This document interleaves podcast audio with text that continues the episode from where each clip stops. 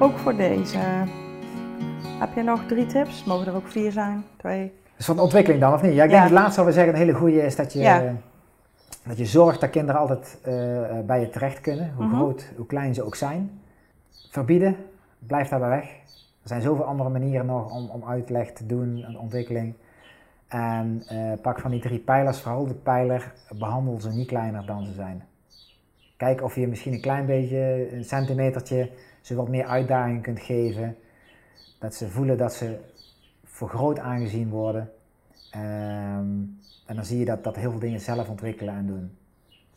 Dus ze hoeven niet groter te zijn dan ze zijn. Dus ze mogen best huilen, ze mogen best verdrietig zijn, Mhm. ze mogen best aangeven, papa, dat lukt me nog niet. Dat is niet wat ik zeg, het gaat er vooral over dat ze de kans krijgen om ehm, eh, te proberen of ze dat al kunnen. En als je dat stimuleert, dan dat is fantastisch. En, en fouten maken, dat is een hele belangrijke. Fouten. Wat is zelf een fout waar jij het meest van geleerd hebt? Ja, ontwikkeling. Ik heb zoveel fouten. Het rot, ik zie het niet in fouten. Voor mij zijn het eigenlijk meer, en ik zie ze vaker in spreken terugkomen. Ik denk niet in fouten, ik denk meer in lessen.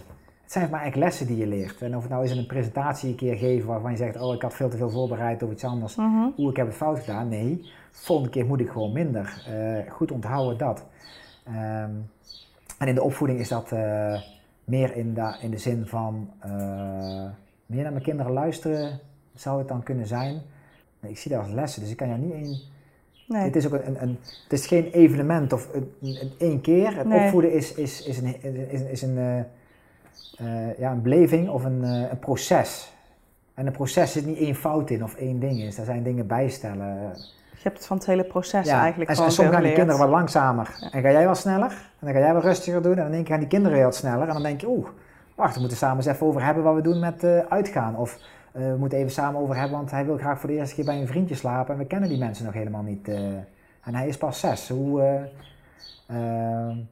vooral dat blijven bij durven stellen. En niet zien van we doen het fout. Maar dat je zegt, het is gewoon een leertraject. En eh, we hebben tijd genoeg om, eh, om bij te stellen en, eh, en te leren. Ja, gelukkig zijn ze niet in een jaar groot.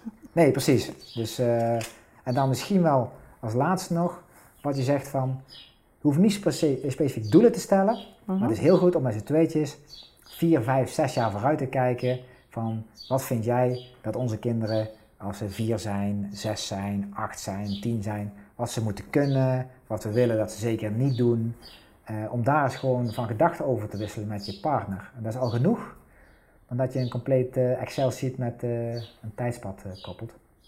Dus samen met z'n tweeën vooruitkijken van wa- wat vinden wij belangrijk en wat willen we dat ze in welke periode kunnen. Oké. Die tips zullen we ouders meegeven. Leuk, Ik denk dat ze weer heel veel hebben geleerd eh, over ontwikkeling. super, Dankjewel voor je tijd. graag gedaan. Tot de volgende keer. Zeker weten, dankjewel.